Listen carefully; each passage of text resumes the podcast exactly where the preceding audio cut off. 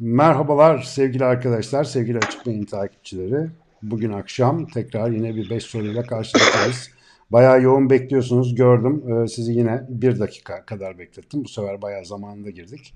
Bugün akşam yine bu kanalda ağırlamayı çok çok uzun süredir istediğim uzaktan dostum, gönül dostumuz, hepimizin e, gönlünün terini titreten isimlerden bir tanesi sevgili Kıraç'la beraberiz. Kıraç'cığım merhaba. Ee, Merhabalar. senin ismi de ekranda Ali Tufan Kıraç yazınca böyle bir algı bozukluğu oluyor. Hep böyle Kıraç Kıraç biliyoruz. Kıraç aşağı Kıraç yukarı. Evet, Ee, Ama evet. tam isim böyle e, o da gerçi karizmatik duruyor bayağı ama e, Kıraç'a alışınca Ya. değişik oldu. Nasıl hitap ediliyor sana genelde? Şimdi Kıraç'a çok alıştım. Ee, tabii aslında Ali Tufan'ı da çok seviyordum. Tufan'ı çok seviyordum. hı.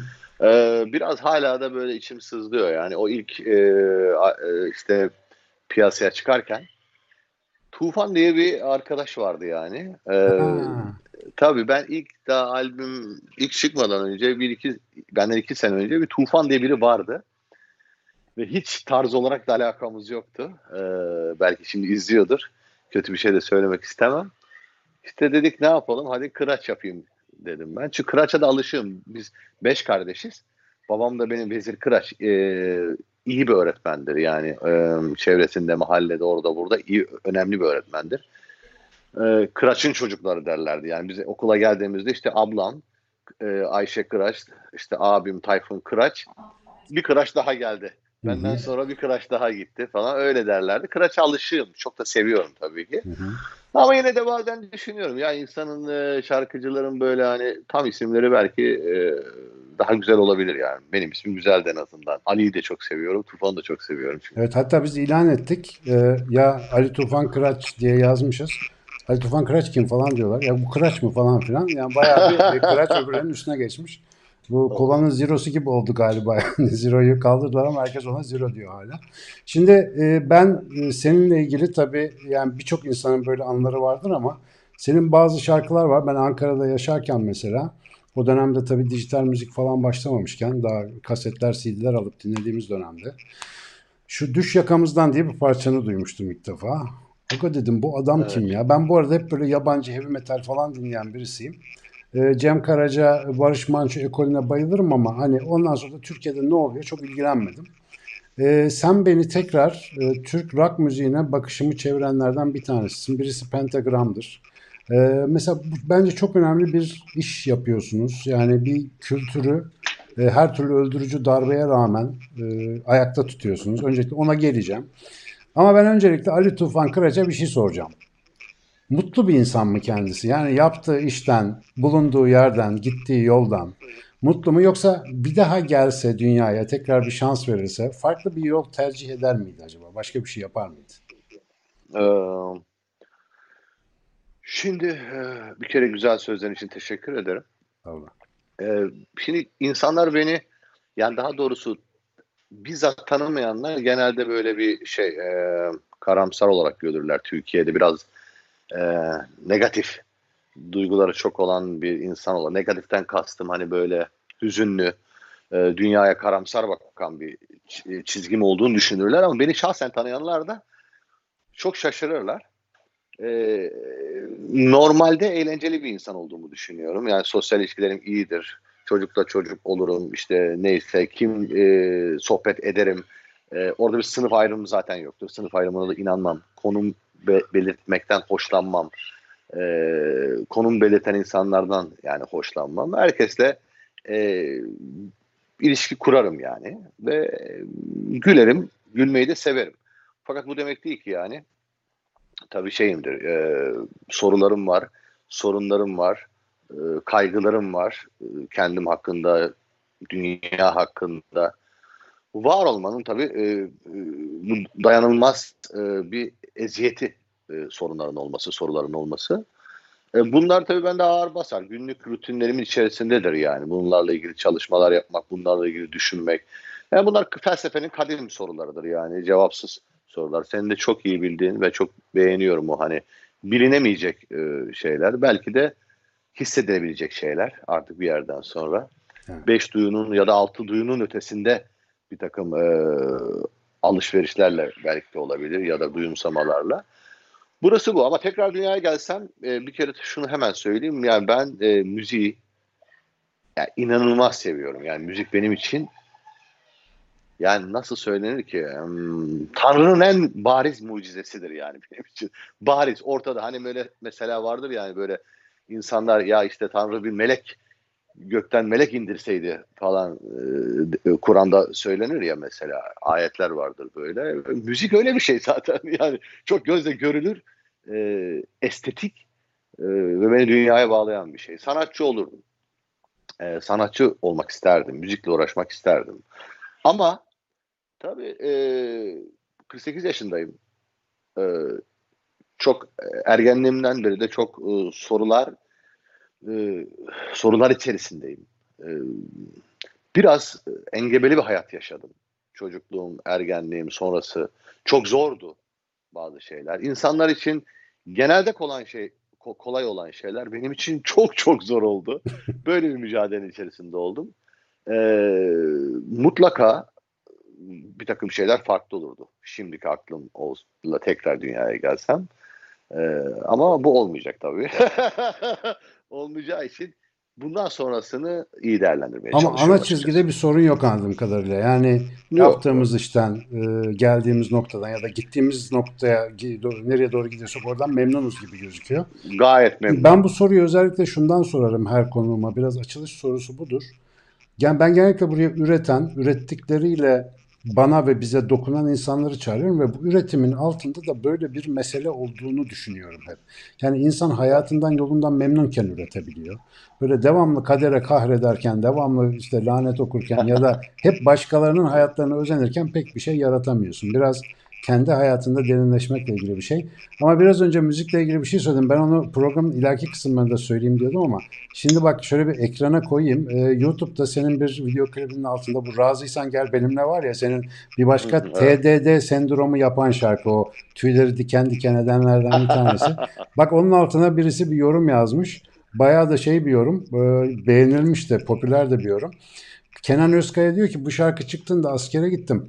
Beni bekler misin dedim. Beklerim dedi ve bekledi. Bu şarkı benim e, askerliğimdeki bir dostumdu. Gözyaşları içinde dinlerdim. Varlıklı bir ailenin kızıydı. Benim babam ise emekli bir memur. Kazandığı para asgari ücretin biraz üzeriydi. Benimle evlenir misin dedim. Evet dedi. Ailesi kabul etmedi.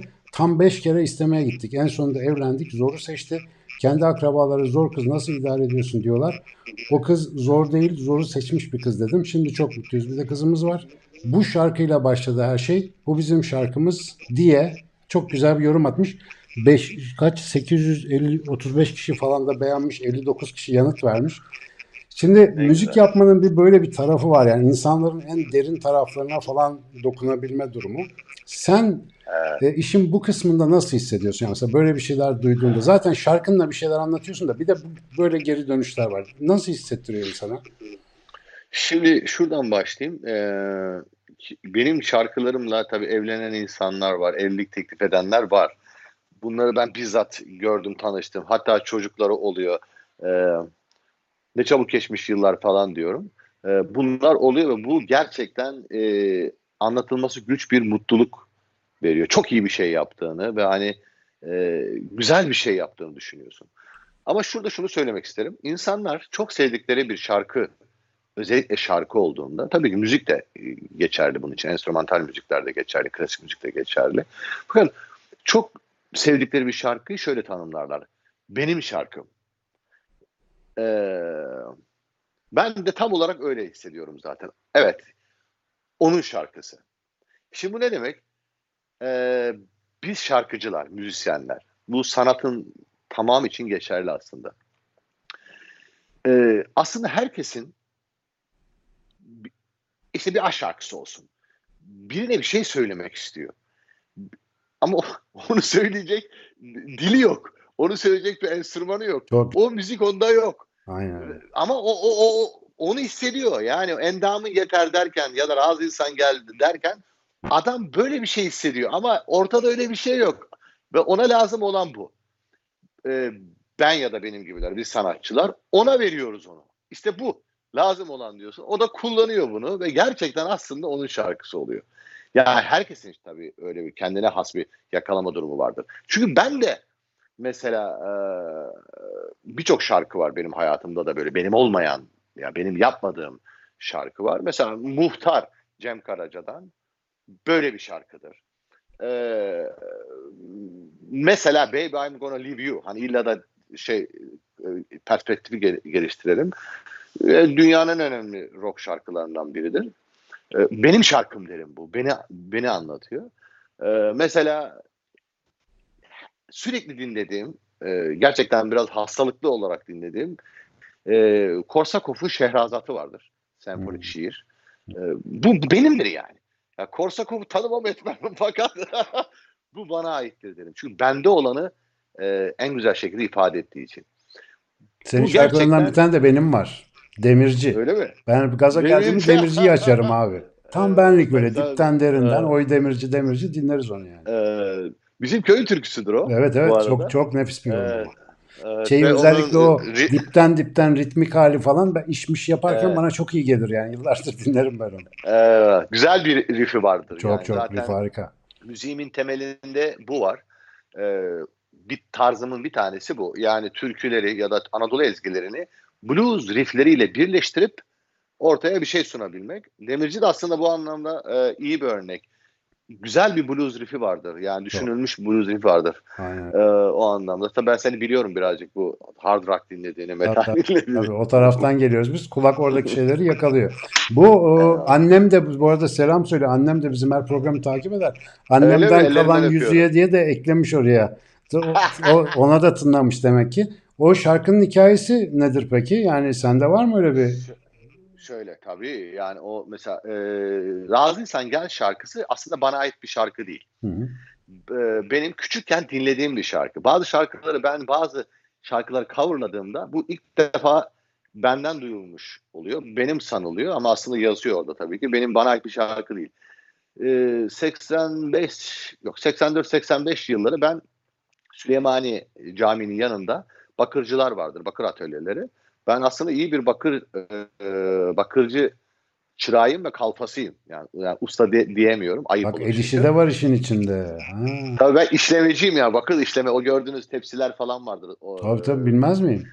E, semaverler falan onları yaptım ben. Yani babam onlardan eve çok taşırdı. Bizim ev onlarla doluydu ara. O hastasıdır. evet. O e, makinelerin arasında o cilanede e, tabii çok uzun yıllarım geçti.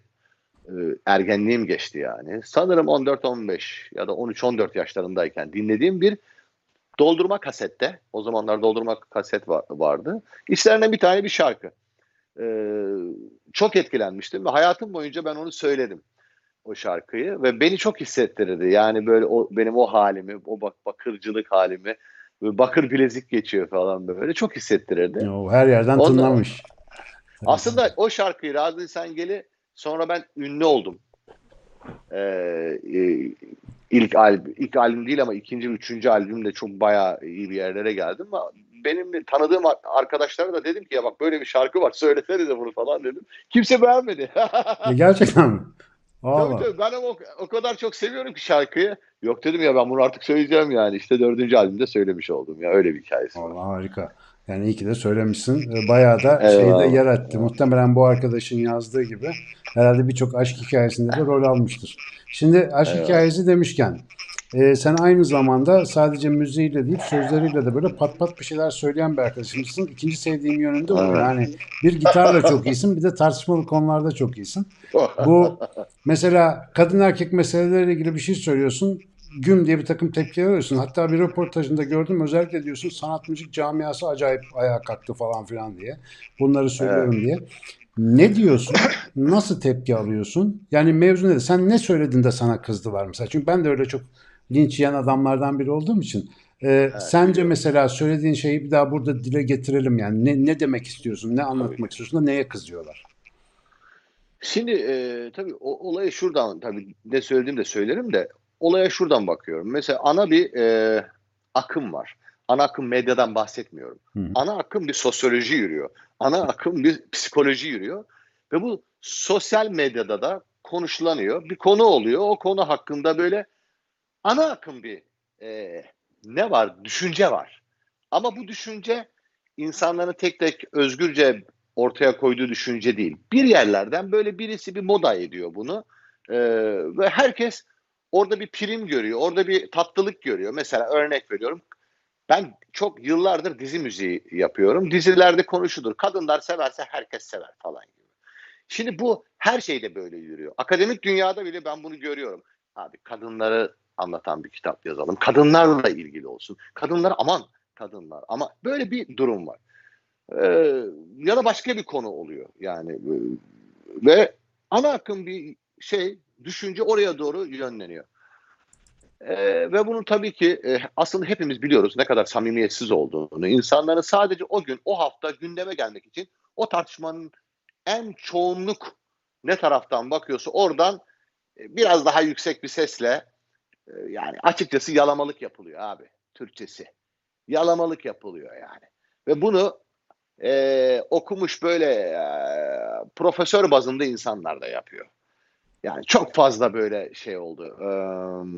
Yani işte orada acınacak bir olay gelişiyor Türkiye'de değil mi böyle bir çok vahim bir olay gelişiyor. Orada bile kendine bir prim sağlama, kendine bir hani bak ne kadar vicdanlı adam ya da ay ne kadar centilmen ve kadınların yanında falan. Üzerinde bunları düşünülmemiş ve e, şey çalışılmamış ezberler. Galiba Evet. hep böyle bir tekrar halinde insanlar bir şeyleri tekrar Evet. ediyorlar. Ve bilinçli olduğunu düşün. Bilinçli yapılıyor. Yani bilinçsiz yapanlara bir şey demiyorum. Hani şuraya vurunca güzel ses çıkıyor, herkes vuruyor falan. Ama o iş öyle değil. Sonra da ben çıkıp diyorum ki ya siz bu böyle diyorsunuz da bir işin bu tarafı var.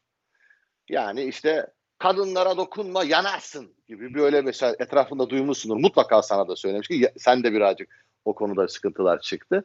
Aman yani ama ben düşüncemi söylemek istiyorum. Yok oraya girmeyelim.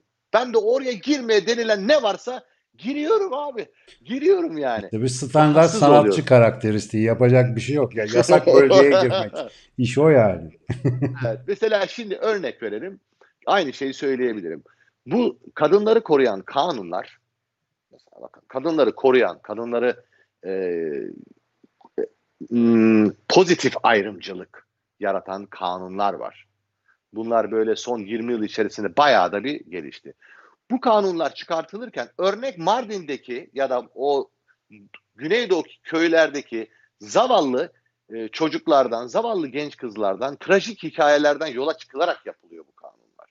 Böyle lanse ediliyor. Fakat şehirdeki kadın aynı kanundan yararlanıp e, yani çok ters bir noktaya doğru götürüyor bunu. Homojen Yani- olmayan yani heterojen şartları olan bir memlekette kötü bir örnekten bir şey yapılıyor diyorsun. Evet, Ama bu evet. amacını aşan bazı sonuçlara sebep oluyor. Mesela bir Mesela örnek örnek- verebilir misin? Mesela nasıl bir avantaj Tabii, sağlıyor kadınlar buna? Ee, şu- tabii benim ben burada tabii şunu da anlatmak istiyorum. Önceden de yine söyleyeyim. Ya benim bir kadın düşmanı olmam, kadınların aleyhinde özellikle konuşmaya çalışmak gibi çabam olamaz. Ben insan diye bakarım. Yani. Böyle kadın erkek diye de ayırmıyorum. Ee, En sevdiği şarkı razıysan gel benimle olan adam olur mu yani şimdi ne alakası Yani. var? Yalan dünya Ee, yarsız olmaz neticede. Ama mesela şu konuştuklarım bile emin olun bazıları ulan bu gene ne konuşuyor falan diyecekler. Evet. Böyle ahlaksız insanlar da oluyor. Ee, isim vermeyeceğim ama böyle bir, bir takım medyaların tepesinde olan insanlar var böyle. Neyse ee, geçen bir yürüyorum örnek vereyim.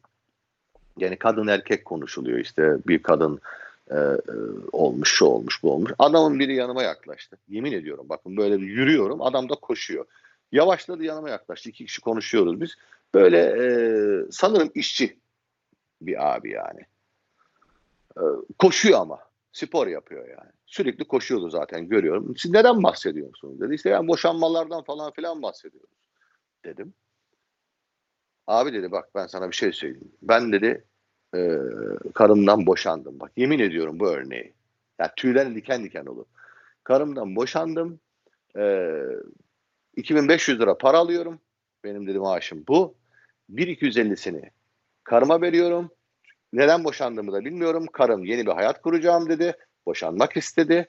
Elimden gelen her şeyi yaptım. 1250 şimdi ona tazminat veriyorum. Bana kalıyor 1250. Ee, kendime evim vardı, karım vardı, çocuğum vardı. Ve dedi karıma şu an çocuğuma yaklaşamıyorum bile. Nedenini bile bilmiyorum çünkü ka- kadının beyanı esas. Ee, anlatabiliyor muyum? savcı dokunma dedi mi yani yanına bile yaklaşamıyorum dedi. Ve uzaktayım. Bir ay içerisinde yani iki ay içerisinde neyse bilemiyorum. Hayatım dedi benim bu çıldırmamaya çalışıyorum. 1-250'ye kendime yeni bir hayat kurmaya çalışıyorum. Böyle bir adam modeli var. Ailesini, her şeyini kaybetmiş. Yani ama biz olaylara nereden bakıyoruz? Sadece kadın tarafından bakıyoruz. Çünkü neden? Doğrudur. Kadın cinayetleri var. Ama intihar eden adamlar da var. Bir bütüncül Ama- bakma sorunumuz var diyorsun. Yani ben Aynen, abi ben bir aynen. programa çağrılmıştım. Ee, bu e, işte süresiz nafaka falan meselesi ne alakaysa ben de o programa çağrıldım yani başka bir mevzu da konuşacaktık. Sonra arada kaynadı. Konu çok böyle ballı konu olduğu için. Ya ben orada öğrendim şimdi iki tane kutup vardı orada da. Yani birisi diyor ki ya kanunen süresiz nafaka diye bir şey yok diyor ya zaten işte kadın çalışıyoruz na- nafaka verilmiyor falan. Orada da Mağdurlar Derneği'nin başkanı bambaşka bir hikaye anlatıyor. Dedim abi bu sizin ikinizin yaşadığı ülke aynı mı dedim. Yani öyle şeylerden bahsediyorlar ki televizyonda. Birinin öbüründen öbürünün öbüründen haberi yok. Aynı muhtemelen dediğin gibi. Yani herkes belli bir lokal vakaya odaklanmış. Gözü onun Aynen. dışında bir şey görmüyor. Yani hayatın bütününü pek kavrayabilen kanunlarımız yok gibi sanki. Kötü niyetli kadın olabileceğini düşünmüyoruz. Evet. Sorun bu. Kötü, bol bol kötü niyetli ruh hastası psikopat erkek bir model çiziliyor. Bakın böyle bir durum var. Bütün genel olarak erkekler ruh hastası psikopatlar gibi bir algı çiziliyor. Kadınlarsa ya işte yıllarca ezilmişler. Şehri kadında işte o genetik yıllarca öyle büyütüldüğü için e de bilmem ne falan ondan dolayı siz de biraz artık kadınların bu hareketlerine e, şey yapın ya. Ya iyi de adam diyor ki ben çalışıyorum. Kadın benim maaşımla bir, e, bir evde oturuyor ve çalışmıyor tazminatı kesilecek diye. Kendine bir de sevgili de yapmış. A benim evimde diyor. Bu gerçek. Evet böyle Ya vakalarla da mesela karşılaşıyoruz. Ya işte öbür taraftan da şöyle bir sorun var. Yani bir sürü e, hani mağduriyet gerçekten var. Bir de işte kadının Tabii ki var. işte iş e, hayatına girememesi falan filan gibi durumlar biraz daha yaygın olduğu için galiba buna böyle bir tekil kanun yapısıyla ya da bir takım böyle basit ilkelerle çözüm bulmak yerine çok lokal ve bilgece bir iştahat yapmak lazım gibi. Yani her aile özelinde, her durum özelinde galiba ona da gücümüz yetmiyor. Evet. Yani hukuk sisteminin bunu eskiden kadılar öyle yaparmış ya herkese göre kafasına göre karar verilmiş falan. Galiba ona da gücümüz yetmediği için biz böyle bir sorun. Yani yetmeli. Yani yetmiyorsa büyük sorunlar çıkıyor. Peki bu kanunlar kadının mağduriyetini giderdi mi? Gidermiyor. Gene cinayetler oluyor. Gene manyaklıklar oluyor. Ben e, doğrusu çok doğru bir yorum seninki. Fakat devlet bunu çözmek zorunda. Bunun için var. Yani mahkemeleri yetmiyorsa bilir kişiler var. Ne bileyim psikologları bir şey yapabilir. e, e, Avrupa'da vardır ya trafikte falan e, böyle geliyor son kararı veriyor falan yani. Yani bu tür konularda gerçekten her olaya özel yaklaşılmalı. Ha şunu da söylemek istiyorum. Çok yakın bir tanıdığım, vallahi çok yakın bir tanıdığım, tanıdığım derken çok e, mahalleden arkadaşım gibi düşünün. Ee, hakim çocukları adama verdi. Ve bir kadın hakim. Ya kadın hakim çocukları soruyor böyle, boşanıyorlar. Ben de biliyorum süreci. Adam da düşünüyor ben ne yapacağım diyor. Ben çocuklarım da yok. Aynı böyle dört çocuğu var. Benim yaşlarımda. Kadın işte 40 yaşında falan. Kadın diyor ki ben e, boşanmak istiyorum. Kendi başıma bir hayat kurmak istiyorum. Genelde de kadınlarda bu şehirli kadınlarda böyle bir şey. Kendi başıma yaşamak istiyorum. Kendi başıma ayakta kalabilirim falan. Kala, herkes kalabilir. Tabii ki kalın zaten. Ben de kızıma diyeceğim şey kendi başına ayaklarının üzerine durabil. Neyse e, adam da düşünüyor bizim arkadaş. Yani ne yaparım ne ederim. Yani şöyle yaparım böyle yaparım ve mah ikinci mahkemede e, süre verdi ve şey hakim soruyor kadına çocukları sen ister misin işte nasıl bakacaksın falan. O bir şey derken biraz böyle mırın kırın edince adama dönüyor. Sen ister misin? Ya ben öyle bir talebim yok tabii ki isterim falan diyor. Sana veriyorum diyor. Bittik o. Çok güzel. böyle de- bu da çok beni çok mutlu etti. Neden? Hani bir tersini de görmek istiyorsun. Aynen Çünkü çocuk meselesi üzerinden aslında e, şimdi bir sorunlar çıkıyor. Yani çocuk yoksa daha böyle bir gerçekten trajik sapıklık, manyaklık düzeyinde. Ama çocuk varsa ya çocuğu ikiye bölemezsin. Ya bir de baba da aile sadece aile değil artık. Yani medyada, sosyal medyada orada burada gördüğün garip çarpık modeller milletin kafası 1500. Yani biz şimdi tabii belli şeylerle uğraşan, hayatlarını belli rotalara kitlemiş insanlar olarak bazen öyle haberler geliyor ki kanın donuyor. Aga bu millete ne oluyor falan diye. Ama bir de hayattaki bu insani boşluğu düşündüğünde yani bir sürü insan sadece sistemde bir çark tangır tungur yuvarlanıyor gidiyor. Ee, şeyinden çıkamıyor bir türlü o döngünün içerisinden çıkamıyor. E orada da böyle hayatlarda çok tuhaf hikayeler daha sonra bize böyle hakikaten uç e, haberler olarak yansıyor belki de. Ben biraz da aslında hani sizler gibi üreten, yaratan, hayatı değiştiren, hayatı zenginleştiren insanların ortada bu yönleriyle de daha çok olmasını bu yüzden önemsiyorum. Yani aslında hani sanatçının böyle bir görev vazifesi belki yoktur ama ancak bir yerden de örnektir yani yaptığı iş, bakış tarzı, yani kafasının işleme biçimi. Çünkü o kafayla yaratıyor, o kafayla yapıyor bir şeyler. E bu da böyle görüyorsa abi bu gördüğünde bir hikaye vardır diye de bakılması lazım geldi düşünüyorum. Bu tabii görüşlerin herkesin yüzde yüz kabul etmesi gerekir anlamında söylemiyorum ama bence çok önemli bir perspektif. E, bir de şey vardı, e, bu senin İngilizce konusunda bir şey yaptın, orada da bir coşuldu. E, o, o Yani abi? işte gene aynı konu. Ee, şimdi az öncekini bir toparlayayım. Yani amacım şu. ee, orada da kadınları kadın düşmanı değilim. Sadece bir de şöyle bakılabilir mi dediğim için e, çevremden bile bazen te- tepki toplanıyor. Ben e, evet herkes böyle bakabilir. Ben farklı bir yerden bakmak istiyorum konusuydu. Ama dil konusu öyle değil. Ee, Türkçe konusu öyle değil. Türkçe konusu evet çok yalnız olduğum bir konu. Gerçekten çok yalnız olduğum bir konu. Ben bir akademisyen değilim. Ben bir e, beyin uzmanı değilim ki sen öylesin. Belki senle bile bazı konularda bu konuda çünkü e, ters düşebiliriz. Bilmiyorum fikirlerini. Çünkü bir nörologla yıllar önce bir tartışmamı anımsıyorum e, bu dil konusunda. İşte çok küçük yaşlarda e, çocuklara dil öğretmek, başka diller öğretmek hatta onun beynini çok geliştiriyor. Nöronlar arasındaki bağlantı kopuyor da gidiyor da çok zekayı bile ola- etkiliyor gibi. E, sanırım profesördü bak. E, hayal kırıklığıydı benim için. Yani Ama tam ne dedi onu merak ediyorum. Yabancı dil öğrenmek beyni Yani- geliştiriyor mu dedi. evet beyni geliştiriyor. Doğru söylemiş. Bayağı geliştiriyor. Ama sen galiba şey, yabancı dil öğret öğretmeye mi karşısın, yabancı dil eğitime mi karşısın? Şöyle, yabancı dilin benim tam olarak söyleyeyim. ilk defa belki de senin programında söyleyeceğim. Küçük yaşlarda yabancı dil öğretilmesine yani öğretilmesinin doğru olmadığını düşünüyorum. Hı. Ben karşı olmam iş ifade etmiyor. Ben e, bir yetkim yok. Ha, Küçük yaşlarda. Açık, açıkla kavuşturmak için şeyi sorayım. Türkçe konuşan anne baba, çocukları var. Çok küçük yaştan bir de İngilizce öğrensin diyorlar. Buna karşı duruyorsun değil mi? Karşıyım. Doğru bir şey yapıyorsun. da- Nedenini de ben gerekçesini de bilimsel olarak açıklayabilirim. O söylediğin şey gayet doğru. O bir sorun yaratıyor gerçekten de. Evet. Sonrasında ama yetinmiyorum. Vardır gerisi çünkü. Ya bunun çünkü artırıyor. bilimsel arka plan olduğu için buna kızılacağını pek düşünmemiştim. Ama o nörolog öyle demişti. Ne kadar küçük başlıyorsun e, işte nöronlar arasındaki alışveriş falan filan. Bir, aslında birazcık benim de hani bildiğim şeyler ama o akademik şeyini kullanarak beni böyle hani sen ne bilirsin bu işleri falan e, du- durumunda söylemişti. Ben yetinmiyorum orada. E, diyelim ki çok yararı var.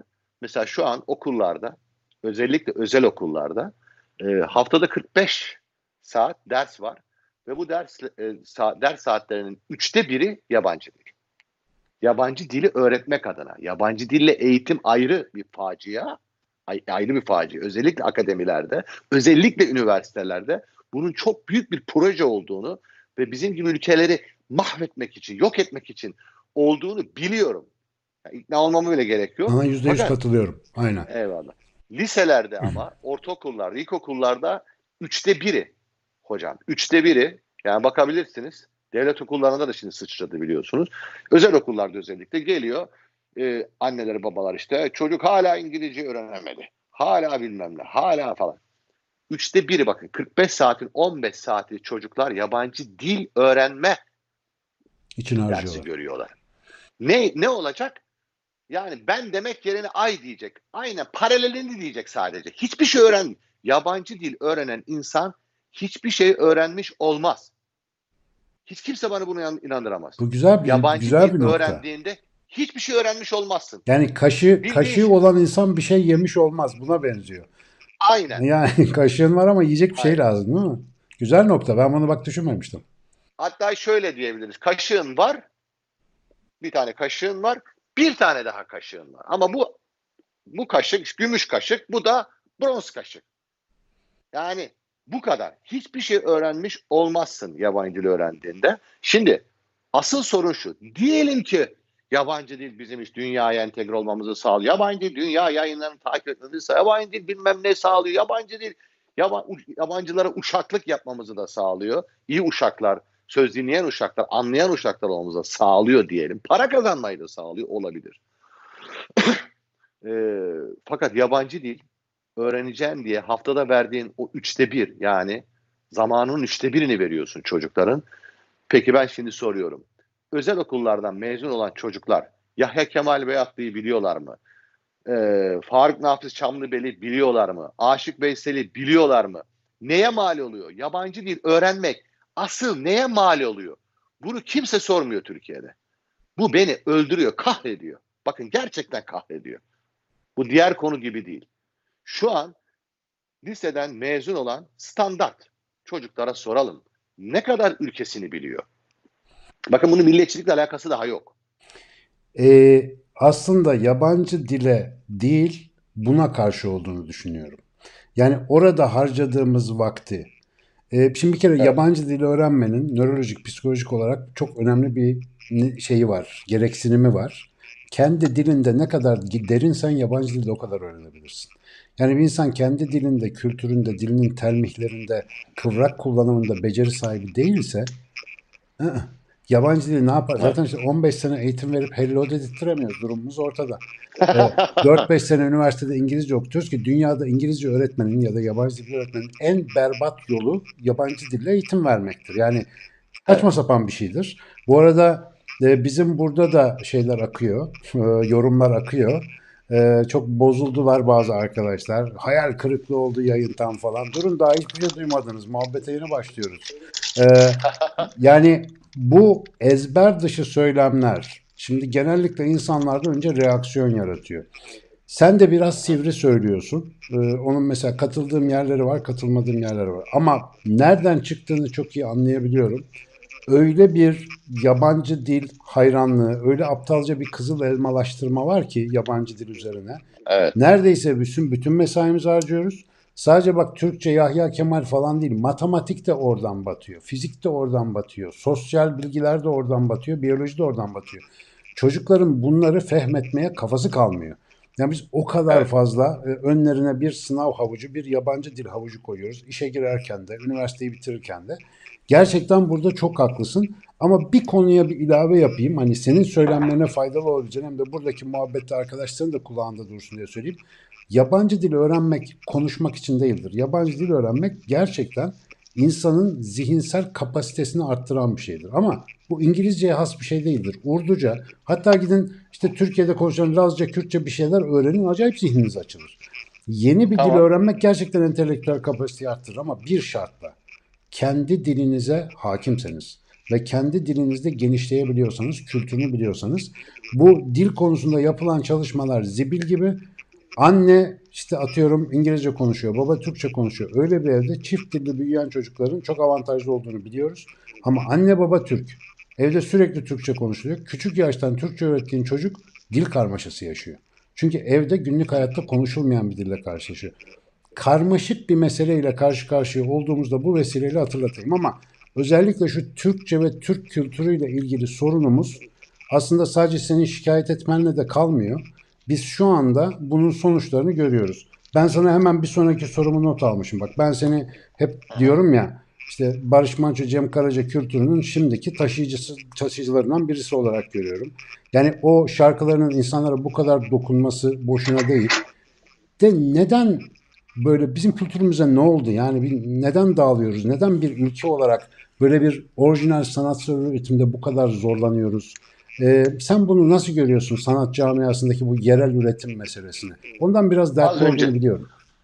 ben az önce konuyla bağlantılı olduğunu düşünüyorum. Belki oradan e, Zaten ben de oradan Konuyla- kafam oradan oraya gitti zaten. ha, o hayal kırıklığı olanlar da bundan dolayı mı diyorlar merak ettim. Bu yabancı dil konusu. Ta yabancı dil konusu. Evet. Şimdi orada aa diyor hayal kırıklığı falan diyor.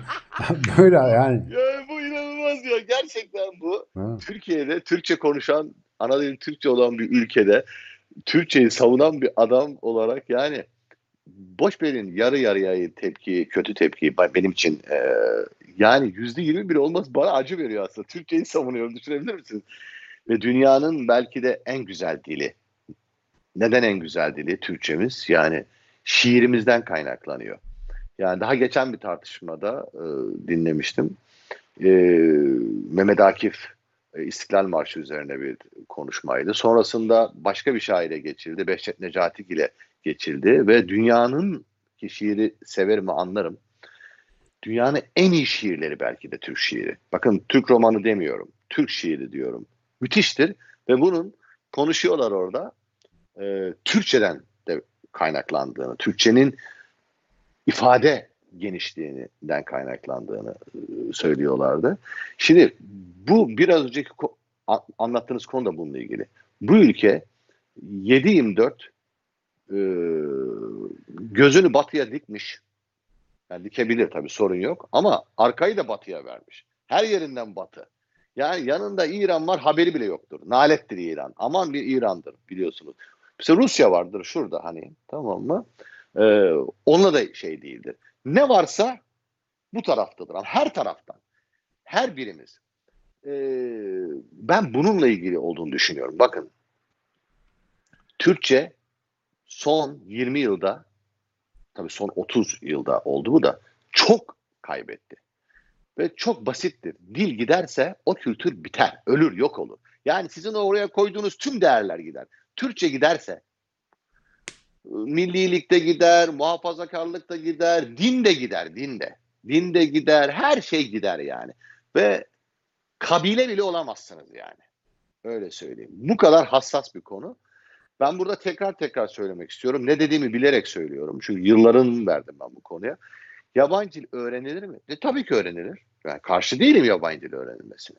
Fakat ergenliğe kadar özellikle, özellikle ergenlik bitimine kadar e, çocuklar bizim e, kozmik odalarımızdır. Bu milletin, bu ulusun kozmik odalarıdır. Çok değerlidirler. Ve biz çocuklarımızın belki tam olarak bizim gibi olmasını istemeyiz. Bizden daha ileri olmasını isteriz. Ama birazcık bize benzesin isteriz be. Ya bizim gibi otursun, bizim gibi kalksın. Birazcık ama. Yani birazcık Atilla İlhan olsun isteriz onlar. Birazcık Mehmet Akif olsun isteriz. Ya ne bileyim birazcık Kemal Sunal olsun işte ne bileyim yani Yılmaz Güney olsun birazcık. Ama birazcık biz olsun isteriz. Ve bu ergenliğe kadar senin çok iyi bildiğin lütfen benim için Kıraç için bu konuya bir daha girmeni istiyorum ya aka- akademik olarak. Çünkü akademisyeni yanıma çekemedim ben bu konuda. Ergenliğe kadar o gelişim var ya o gelişimde verdiğiniz her şey o oluyor o çocuk. O çocuk o oluyor. Şu an çocuklarımız birazcık Amerikalı, birazcık İngiliz. Dünyalı değil ama. Birazcık da Hintli olabilseydi anlardım belki. Kıraç'cığım bir belki umut kırıcı bir şey söyleyeceğim. Bunun için dil öğretmemize bile gerek yok. Yani yaşadığımız hayatın hemen hemen bütün kodları, giydiğimizden oturduğumuz eve, yürüdüğümüz sokaktan işte günlük iletişim biçimlerimize kadar her şeyimiz aslında bu kodlara oturmaya başladığı için dil biraz burada şey kalıyor. Yani e, bu uç köşe bir konu kalıyor. Ama şunu söyleyeyim. gelişimsel olarak erken dönemde dil öğrenmek iyi bir şey. Erken dönemde dili öğrenmek dili kalıcı yapıyor. Fakat senin endişeni de anlıyorum. O çocuk dil öğrensin diye kültüründen vazgeçmek zorunda değil. Ya, dil çok teknik bir konudur ya. Çok teknik bir şeydir. Yani çok rahat öğrenilebilir. İngilizce Mesela şu konuşurken soruyu- Türk kültürünü yaşayabilirsin. Bizim şey vardır meşhur e, İngiltere, İngiltere Kraliçesi'ne elçi giden bizim buradaki işte Osmanlı şeylerinden biri bürokratlarından biri gidiyor. Tabii o zaman bir bürokrat geldi mi kraliçe falan karşılıyor onu. Öyle bir mütekabiliyet var. E, işte oturuyorlar yemek yiyorlar falan. Bu İngilizler yemekten önce ellerini yıkasın diye su konuyor ya böyle kabın içinde. Bizim elçi almış dikmiş suyu kafaya. Öbürleri de ayıp olmasın hepsi dikiyorlar kafaya içiyorlar şimdi. Yani böyle bir ortamda olduğun zaman, böyle bir baskın kültürde olduğun zaman dil çok problem yaratmaz ve onların hepsi İngilizce de konuşabilir. Sorun yok. Ama bugün biraz durum ters. Yani biz bunu başka kanallardan da çok yaşıyoruz ve dil bunu tek başına kurtarmayabilir gibi geliyor bana. Peki. Yani ama Sonra bu konu ben bunu. senin e, yarını biliyorum ve anlıyorum. Yani ona çözüm bulmamız çok önemli ama makul bir zeminde e, bilim insanlarıyla sanatçıları böyle karşı karşıya gelmeden onları ortak bir hedefe yönlendirmek benim amaçlarımdan bir tanesi de o. Ama bu şikayeti Evet. aldım abi çalışacağım üstüne. Söz. Tamam. Şuraya, şuraya son bir çentik bırakayım. Tabii. Yani e, şurası önemli çünkü. Evet yani dil küçük yaşta dil gelişimi iyidir. Hani beynimizi açar ya da ne alsa. Fakat sana şu, şöyle söyleyeyim. Ben çok enstrüman çalan bir adamım. Yani e, seviyorum yaylılar hariç. Her enstrümanda beyin açıyor. Şiir de beyin açıyor. Aynen öyle. Mesela Aynen. koşup koşup oynamak vücudu açıyor. Yani yaprak görmek ne bileyim yani e, doğayla ilgilenmek bir şeyin sadece yararını e, baz aldığımızda onun nelere mal olduğu ile ilgili benim tartışmam. Bak Yani Crash niye gitar çalıyor diyorlar. Gitar gavur icadı değil mi diyor mesela bir tanesi. Bak yazmış orayı. İşte işte en komik de bu biliyorum bunu. Yahu ben az önce dedim ki bak benim müziğimin temelinde türküler ve blues var dedim. Ben dünya ben Amerika Amerikan kültürüne de karşı değilim. Amerikan kültürünün Bizimkinin yerini Bizi alması. sömürmesi. Ha, bizimkinin yerini alması. sömürmesine tabii ki entegre olacağız. Mesela ben Noel'de de Noel diyorum yani. Ha, söyleyeyim size yani. Yılbaşı da derim, Noel'de derim, Noel Baba da derim, Ayaz Ata da derim yani. Şu kültürlerin kaynaşması başka bir şey. Senin başka bir kültürün altında yani bir şey sanman başka bir şey yani. Çok doğru. Yani işte tabii şimdi yaptığı üretimle bu endişeleri paralel bir insanla konuşuyoruz. Yani biraz da yaptığı işlere bakmak lazım. O bir ciğerden çıkıyor işte. O ciğerin de bazı dertleri var. E, Eyvallah. şimdi gitar dedin de çok merak ettiğim şeyi soracağım. Küçükken sen demişsin ki gitarla karşılaştığında abi benim sana ihtiyacım var seni öğrenmem lazım. Bu nasıl Çok bir ihtiyaçtır ya? Gitara ihtiyaç niye duyar bir çocuk? Ya sorma. Yalnızlık ya. Yalnızlık gerçekten. Ee, yalnız bir çocuktum ben. Kardeş Yani, falan mı e, yoktu yoksa? Var var var. Beş kardeşiz. Hı hı. O anlamda değil ama hani belli bir yaştan sonra 12-13 yaşlarında ben e, işte başka bir noktaya gittiğimi düşünüyorum. Yani o, o dönemde şiir başladı bende. O dönemde birçok şey başladı ergenlikle birlikte. E, evde flüt var, blok flüt. E, onu çalıyorum, çok güzel çalıyorum. E, Hadi ya. Sonra Abi blok Evet, flüt çok- nasıl fobidir bende. Yani çocuklardan biri çalacak diye çok sinir oluyorum. Ama senden dinlemek lazım. Sen onu kaval gibi falan çalıyorsundur yani. Yok yok hayır ben direkt klasik e. Vallahi ben mı? Yani, tabii tabii tabii hiç öyle şey değil. Türkü çalmam yani onda. Türkü çalmayı beğenmiyorum hatta. Bağlama vardı babamın onunla, onunla çalıyordum. Ee, az öncekinde il- enteresan bir şey söyleyeyim. Ben hem batı kültürüyle hem e, kendi kültürümle birlikte büyüdüm. Bir yandan türküler dinlerken bir yandan da Amerikan müzikalleri dinlerdim. Yani hepsini bilirim hala yani. Ee, bir yandan işte Esmer'in biçim biçim bir yandan e, Sing in the Rain. E, Fred Astaire'ler benim çocukluklarımı süsleyen insanlardı. O, o keyif ve peki bu yani Amerikan kültürüne ait müziği dinlemek şeyi nereden geliyor? Ailede birinde mi vardı? Yo, Televizyondan- güzel. Hı. Televizyonda var dinliyorsun. Ha, oradan Çok güzel, güzel olan. Tabii tabii kesinlikle güzel olduğu için. Ee, western filmlerini de severim yani spagetti westernleri. Yani Hmm. ben bir düşman değilim kimseye. Herkes sürekli öyle algılanıyor. Hiç düşman değilim. Dediğim gibi yani Zeppelin severim. Western filmleri Clint Eastwood bayağı severim. Cowboy şapkası da takarım yani görmüşlerdir. Tabii canım ben Ee, gördüm biliyorum evet. Yani Yakışıyor da. e, şu, yani eyvallah. Yani şoven de değilim. Öyle bir duygularım yok. Ben sadece kendime göre bir mantık yürütmeye çalışıyorum. Neyse. E, tabii imkanımız yoktu. Gitar alamıyorduk. Ben uzun zamandır gitar, e, uzun zaman gitar hayalleriyle yattım, uyudum, uyandım. Yattım, uyudum, uyan. Böyle rüyalarımda gitar çaldığımı falan görüyordum ve bir gün e, sevgili e, müzik öğretmenim Refik Köksal, Allah uzun ömürler versin. Tamam. O biliyor benim orta 3'ten bir öğretmenimdi. Lise 2. sınıftaydım ben artık. Bir gitarla geldi. Böyle o gitarı ya bulamıyorum. Bir yerde çünkü depoda şimdi. Türk filmlerinde oynamış bir gitardır. Böyle bir enteresan. Burası böyle metal. Akustik klasik gitar arası. Hmm. İlginç bir alet. Filmlerde arkadakiler çalar böyle playback yapar Türk filmlerinde o gitar yani. Ondan sonra bana getirdi bunu verdi. Ben inanamadım. Yani şok geçiriyorum. İki yıl, üç yıl boyunca gitar diye yatıyorum. Gitar çalıyorum yani rüyamda. Hiç görmemişim bu arada. yani elimde tutmuşluğum yok. Yani televizyondan falan gene o zaman. Bir yerlerden. Tabii televizyondan falan filan belki bir yerlerde bir görmüşsündür. Uzakta elimde tutmuşluğum yok onu biliyorum yani. Hmm. Nasıl çalındığı hakkında fikrim de yok yani bu arada. Ve e, gitarı bana verdi öğretmenim. Hocam dedim nereden buldunuz bunu? Yani bir arkadaşım dedi İngiltere'ye taşınıyor. Ondan sonra ben taşınırken bunu orada gördüm. Ona aynen şöyle dedim. Sen uzun zamandır ben görüyorum bu gitarı çalmıyorsun. Bu sana ait değil. Bunu ait olduğu yere götürüyorum demiş. Bana getiriyor. Öyle verdi. Ben gitar aldım eve gittim abi. Hiçbir şey bilmiyorum. Metodum da yok. Dedim kardeş yani ben gitarı aldım koydum karşıma. Dedim yani ben hiçbir şey bilmiyorum ama yani gerçekten sana çok ihtiyacım var onu biliyorum yani. Sen dedim bana yardımcı olacaksın be. Böyle ciddi konuştum. Bir hafta sonraydı öğretmenime bir şarkı çaldım ben. Bir hafta içinde bir şeyler çaldım. Hatta o şarkıda gülmek için yaratılmış gözlerde yaşlar hmm. niye şarkısıdır yani. O çok iki üç akorla falan e, çalmıştım. Öğretmenim çok duygulanmıştı, ağlamıştı yani. Öyle bir hikayedir yani. Vay be. O ihtiyaç ama nereden geliyor onu biliyor musun? Yani niye gitar? Mesela niye ne bileyim bir e, sopa değil bir başka bir şey değil de niye gitara ihtiyaç var? Gitar ne diyordu sana? E, yani nasıl yardımcı olabilir gibi gözüküyordu? Yani o bir kere gitar hala dikkat et, edersek aslında kolay bir enstrümandır. Ee, yanında taşıyıp götürebileceğin bir enstrümandır. İki, kolaydır gerçekten. Yanında taşıyıp, yani profesyonel böyle klasik e, e, klasik gitardan bahsetmiyorum yani. Taşırsın yanında. İki akor bilirsen bir şeyler de çalarsın. Şarkı söylersin. Ben şarkı söylemeyi çok seviyorum. Yani birçok enstrüman çalarken şarkı söylemen keyif vermez. Ya piyano olacak, ya gitar olacak ya da yerel enstrümanlar olacak bağlama gibi.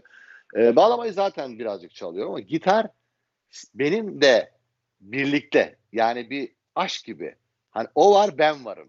Ve birlikte bir şey yapıyoruz duygusunu en çok veren enstrümandır diye düşünüyorum ve ses tabii özellikle klasik gitar ilk başlangıç olarak tam bizim kulaklarımızın en duyduğu, en ne tizi ne pesi abartısız e, fre, e, frekanslarda olan e, çok sesli bir alet.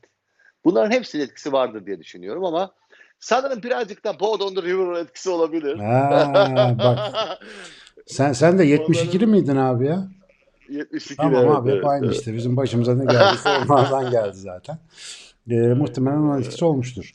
Peki gelelim sizin eve. Abi sizin ev de bir tuhaf. Sizin orası yoğun üretimin yapıldığı bir yer. Bir sevgili eşin evet. Ayşe Şöyle Bilgiç bizim aynı zamanda ilk evet. İFA kampımızın katılımcısı. Seni de ağırlayacaktık evet. orada ama fırsatımız olmamış o zaman. Kendisi Pepe'nin yaratıcısı. Çocukların kalbini fethetti bir taraftan ve ikiniz bir de bir e, animasyon projesinde beraber. Sen galiba müzikleriyle ilgili katkı yaptın değil mi? E, Pepe'nin yapıyordum Pepe'de. işte. Şimdi nasıl artık, çocuklarla ilgili bir şey yapmak onu sorayım. Bir kere öyle bir evde beraber olmak nasıl bir şey? Nasıl bir üretim süreci? Bir de şey yani şimdi sen erişkinlere böyle bayağı işte ciğerinden ciğerinden şarkı yapan birisin. Çocuklarla ilgili ben mesela çocuğa yazarken zorlanıyorum. Sen çocuğa müzik yaparken zorlanıyor musun? Yo ben okudum seni. Hiç de yani çok güzeldi yazın bu arada. Vallahi, ben çok beğendim. Ayşe şöyle sağ olsun. İyi ittirdi de o sayede biraz kalemi kırdık oyundan. Yoksa benim cesaretim yoktu. Evet. Ya şimdi ben kendi adıma söyleyeyim. Şimdi bu düşleri, Pepe falan bunların hepsi Ayşe'nin üzerinde. Ben benim artık pek fazla o, o tarafta bir şeyim yok. Ee, elimden geldiği kadar desteklemeye çalıştım. O kadar. Ama ben tabii çocukları herkes çocukları sever ama ben çocuklarla sohbet ederim. Çocuklarla konuşurum. Ee, gerçekten yani böyle hırçın konuşuyorum, onu yapıyorum, bunu tanısalar insanlar sanırım öyle düşünürler ki ben böyleyim yani. Hı-hı. Çocuğumdur. Ve çocuklarıma da dediğim şey budur. Sakın büyümeyin. İçinizdeki çocuğu sakın sakın yok olursa eyvah yani. Hep bunu sorun. İçimdeki çocuk öldü mü? Yok oldu mu? Gitti mi bu çocuk? Yani bu çocuk giderse çünkü hayatın gerçekten bir anlamı kalmıyor. Hayat böyle bütün e, sıkıntılarıyla, e, işte o sorun sorunlarıyla hayatınızı her yerini sarıyor. O çocukluk benim için önemli. Onun için çocuklarla diyalogum iyidir. Yani e, her yaştan çocuklarla. Bir Zorlanmıyorsun tek bebeklerle. Bir tek bebeklerle. Bebekler beni görüyor böyle bakıyorlar. Gözleri kalıyor böyle. Ben, kafam büyük. E tabi abartılı bir de yüz hatların var. Öyle olunca dikkat çekiyorsun. E peki 3 yaşında itibaren. siz- Evet. sizde iki tane var değil mi? Bir Çağrı Manas var. Bir de Razeli. Iraz Elif. Şimdi bunların abi babası Kıraç, annesi Ayşe Şule. Bunlar nasıl bir evde bu? Nasıl çocuklar sizinkiler? Yani bir tuhaflık var mı? Yani bakıyorsun Vallahi ikisi de bir değişik alem yani. Çocukların durumu ne? Çocuklar bizim çocuklar. Vallahi nasıl diyeyim. Ben zaten Ee, sizin Çağrı Manas'ın konuşurlar. benim yazıya bir yorumunu gördüm. Aman yarabbim dedim yani. Direkt Şaşır. aynen teşhisi koymuş. Şimdi e, Ayşe tabii çok e, yıllardır e, çocuklarla ilgileniyor. Bilimsel anlamda ilgileniyor artık. E, psikoloji okuyor biliyorsun. E, zaten çok iyi deneyimleri vardı. Ben bir eğitimci bir aileden geliyorum. E, öğretmen, ben Atatürk Eğitim Fakültesi mezunu bir insanım. E, öğretmen okulu mezunuyum sonuçta. E, işte deneyimlerimiz de ortada. Biz çocuklarımızı tabii elimizden geldiği kadar bir hedef koyduk. Bunu bilinçli koyduk ben mesela şöyle düşünüyorum. Mutlu ve başarılı insanların ortak bir şey var. Mutlu ve başarılı ama. Ee, bazıları mutludur ama başarı yoktur. E, mutludur işte. Ne, cehalet erdem bize öyle bir şeydir. Mutlu ve başarılı insanların ortak bir noktası var. Benim gözlemlediğim bu. Bu insanın bu insanın ortak noktası şu. Kendilerini yani içindekini ya da duygularını ya da gördüklerini gözlemlerini karşıya en rahat ve ferah şekilde anlatabilen insanlar. Yani ifade yetenekleri çok güçlü. Karşıda olanı da, kendi dışında olanları da en rahat bir şekilde ya da doğru şekilde algılayan insanlar. Bu insan tipi mutlu ve başarılı oluyor. Çok çok iyi ve yalın bir tarif bu arada. Çok Evet, çok uzun zamandır çalışıyorum. önemli bir tarif ama. Önemli ve isabetli. Evet. Onu söylemem lazım. Eyvallah, eyvallah. Sağ olasın. Çocuklarda da temel prensibimiz bu. Fakat tabii şöyle bir bedeli var. Çok fazla ifade ediyorlar kendilerini. Her sürekli. Bu bizim çocuklar. Burada bir Türk anne baba olarak maşallah. sizi biraz geriyor olabilir tabii. Ya çocuğum iki dakika bir dur falan filan oluyor mu acaba? Biz evladım izin verirsen bir şey konuşacağız. Yok. Dalarlar. Her konuda fikirlerini alırız. Söylerler. Hiçbir şekilde onları baskılamamaya çalışıyoruz. Yani e, tabii ki birçok bilimsel görüşten yararlanıyoruz ama içimizin, kalbimizin sesini dinliyoruz en çok. E, ve işte bütün bu bilgileri harmanlıyoruz yani Evet. çocuklarımızda. Eğlenceliyiz yani. İyi güzel. Yani Yani gürültülü biraz. durum iyi yani. Çünkü çok marjinal Evet, bir durum evet. sizinki. Hani şükür. binde bir olur böyle iki tane cins kafanın e, yanında ço- büyümek çocuklar için ilginç bir şey olsa gerek. Çağrı Manas e, benim henüz hazır olmadığımız gerçekler webinarının tanıtımını görünce iyi, olur? Yani demiş ki yine hazır mi? olmadığımız şeyi bize anlatıyor. Sonra da teori yapmış demiş. Muhtemelen ona küçükken hazır olmadığı şeyleri söylediler. O da bize aynısını yapmaya çalışıyor. Sonra demiş ki annesine izleyeyim mi ben? Bana uygun mu? Annesi demiş ki ben bir izleyeyim ondan sonra sana söylerim falan gibi. Normal diyaloglar değil bunlar abi. Dolayısıyla ben inşallah yetişirsem onlarla da burada röportaj yapacağız gibi bir his var şimdi. Allah yollarını açık etsin. İnşallah, inşallah. Çok tatlılar yani. Allah bütün hepimizin çocuklarının böyle güzelliğini göstersin. Amin amin. Hayrını göstersin. inşallah. Onlar çok önemli. Bütün bütün hayatımız onlar için. Son bir şey e, merak ediyorum. Biz analog dönemden gelme insanlarız. Sen tabii Evet. hatta işte unplugged çalarak başladın muhtemelen her Evet, şeye. evet, evet. E şimdi bir dijital müzik dünyasındayız. Bir de üstüne korona morona patladı. Müzik dediğin abi insanlarla yapılan bir şey. Şu anda durum nedir ve sence nereye gidiyor? Ne olacak bu iş? Ben hiç yani orada bir tahmin yürütemiyorum. Şimdi e, korona e, bu virüs ortamından gerçekten müzisyenler e, beklenmedik derecede insanların belki bildiklerini düşünüyorlar ama bilemedikleri ölçüde kötü etkilendiler. E, şu an müzik müzisyenler bir kıyamet yaşıyorlar yani Aynen öyle. her anlamda maddi anlamını anlatamam. Yani sıfırı tükettik. Benim gibiler yani daha çok kazananlar yani biz solistler olarak söylüyorum. Benim gibiler derken öndeki ünlüler, solistler Hı hı. Tabii ki biz bu bu tür durumlarda biraz daha katlanabiliyoruz. Ama bizim bizimle birlikte çalışan mesela ben bir konser yaptığımda e, yaklaşık olarak e, 30 kişi ekmek yiyor. Aileleriyle birlikte işte 50-100 kişiyi bulur bu. Ve bu insanlar müzik dışında bir şey bilmezler yani. İkinci meslekleri değil asıl meslekleridir. Aynen öyle. Yaklaşık bir yıldır e, kazançlarımız yüzde bir ikiye düştü. Ya bu çok facia. Ben e, insanların yeterince duyamadığını düşünüyorum bunu. Ha duysalar ne yapacaklar dersek onu da bilemiyorum ama devletin ülkemizin bir an önce bununla ilgili bir şeyler yapması gerekiyor. Çünkü müzisyen e, sosyal güvencesi zaten yoktur. Yani o ay kazandıklarıyla geçinir. Anlatabiliyor muyum? Yani bazıları 3 kazanır, bazıları 10 kazanır ama 10 kazanan da şu an hiçbir şey yok. Yani onun için büyük facialar var ve biraz da tabii ki hepimiz onurluyuz, gururluyuz. Müzisyen ama şey de bilmez. Ee, ne derler ona? Elinden başka iş de Yok. gelmez benim bildiğim. Hani Hayır, yokluk, yoklukta nasıl idare edeceğini de bilmez. aynen öyle. Biraz evet. Onu tecrübelerimden biliyorum. Etrafımda çok müzisyen de var. Ee, bu zaten mesela dijital meselesi müzik telifinde falan bizi bambaşka bir çağa geçiriverdiydi. Ve de ya bu arada olan bu dijital değişimler artı bu koronavirüs enfeksiyonları bilmem bunların hepsi önce aslında bu üretimi bu sanatı bilmem ne enteresan bir şekilde vuruyor. Özellikle de sahne sanatlarına. Peki sen bir alternatif görüyor musun? Senin aklına ya da böyle e, eşin dostun ya da uzaktaki sanatçıların aklına yakın gelecekte umut olabilecek böyle yok internet tabanlı ya da başka alternatif bir yaklaşım geliyor mu acaba? Benim haberim olmayan bir şey var mı? Ee, şimdi şunu söylemek istiyorum. Zaten senin çok konuştuğun ve bildiğin şeyler. Ben bu bütün e, bu virüs ve çevresinde gelişen tüm tartışmalarda olaya şuradan bakıyorum. Çok gene absürt gelebilir. Ee, ben komple komplo teorisyenlerinin daha mantıklı buluyorum. Komplo teorisyenleri daha mantıklı buluyorum. Yani bu bir dünyayı dizayn edilmek için ya kontrollü yapılmış bir şey ya kontrollü yapayım derken çileden çıkmış saçmalık bir zıvanadan çıkmış bir şey. gibi Yani görünüyor. enfeksiyon Ama amaç- yalandır diyenlerden değilsin de yani bu bir amaca matuf olarak ortada gez, gezdiriliyor. Evet. Evet, evet, evet. Ve, ve sonuçta da bu dijital tabanlı bir dünyanın e, artık hızlıca bir geçişi olarak görüyorum. Şimdi o zaman da biz ne yapabiliriz konusu bunun dışında mı yapacağız?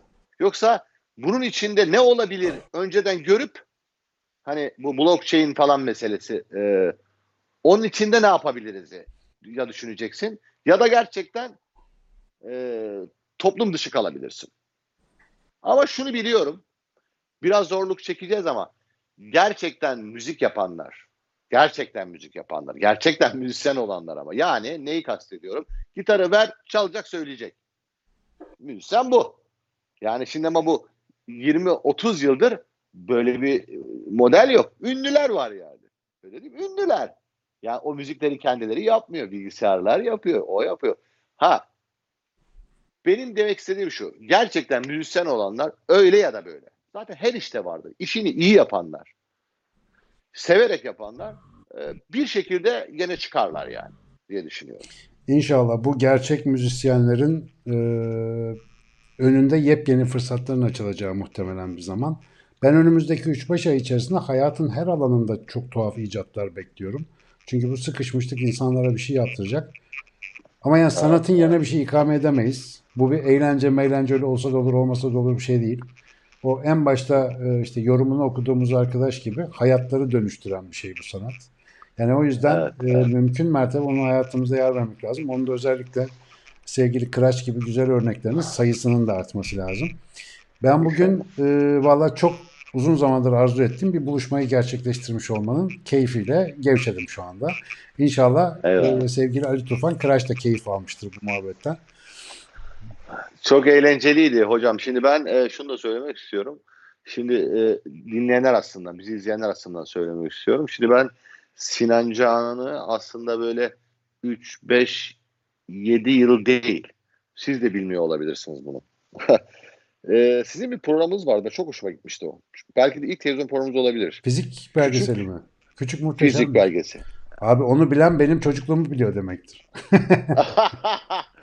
ben biraz meraklıydım o konulara. Hala meraklıyım. Oradan beri takip ediyorum. Ne diyor ya bu adam falan. Eyvallah. Biz bayağı eski tanışıkmışız zaten. Tabii tabii tabii ben takip ediyorum. Yani bir takım insanları böyle özellikle kendim seçip takip ediyorum. Ve e, açıkçası da e, ta o yıllardan bildiğim için e, çok gerekli bir noktada bulunduğunuzu düşünüyorum. Saygı duyuyorum bundan dolayı. Eyvallah. Bunu bugünlerde sık sık duyuyor olmanız çok normal. Ama ben şöyle bir oraya şey koymak istiyorum. Ee, sizi siz ve sizin gibiler diyeceğim ama o gibileri ne olduğunu şimdi açıklamayayım. Gençler için e, bir köprü, düşünce köprüsü, e, köprü insanları diyorum. Bu köprü insanlarına ihtiyacımız vardı. Siz de iyi ki varsınız. Çünkü bu köprü insanları olmadığı için yıllardır e, beyinlerimiz örtülü kaldı. E, çok yorulduk. Çok aynı tartışmalar içerisinde boğulduk. Çok kritik bir yerde bulunduğunuzun siz zaten farkındasınız. Ben sadece teşekkür etmek istedim. Eyvallah. Güzel bakan güzel görür demişler. Demek ki onunla ilgili bir şey. Bunu da duymak tabii bize çok iyi geliyor. Valla inşallah bu güzel sözlerin e, yükü ağır onu kaldırabilenlerden olalım. E, o köprüyü olmak zaten e, bir insanın hayatını rahatlıkla hasredebileceği çok yüce bir amaç. İnşallah beceririz. E, sevgili dostlar, yani planladığımız saatimizi tamamladık. E, ömrünüzün bir saatini ayırıp da buraya yatırdığınız için inşallah Allah gani gani size bereketlendirsin ömrünüzü. İnşallah istifade etmişsinizdir. Ben çok duygusal olarak istifade ettim. E, Kıraç'la uzaktan uzağa hep telefonlaşıyoruz, görüşüyoruz bir şeyler bir şeyler ama hiç olmasa böyle bir yüz yüze geldik. Yakında inşallah bu dertler bitince fiziksel ortamda yüz yüze geleceğiz.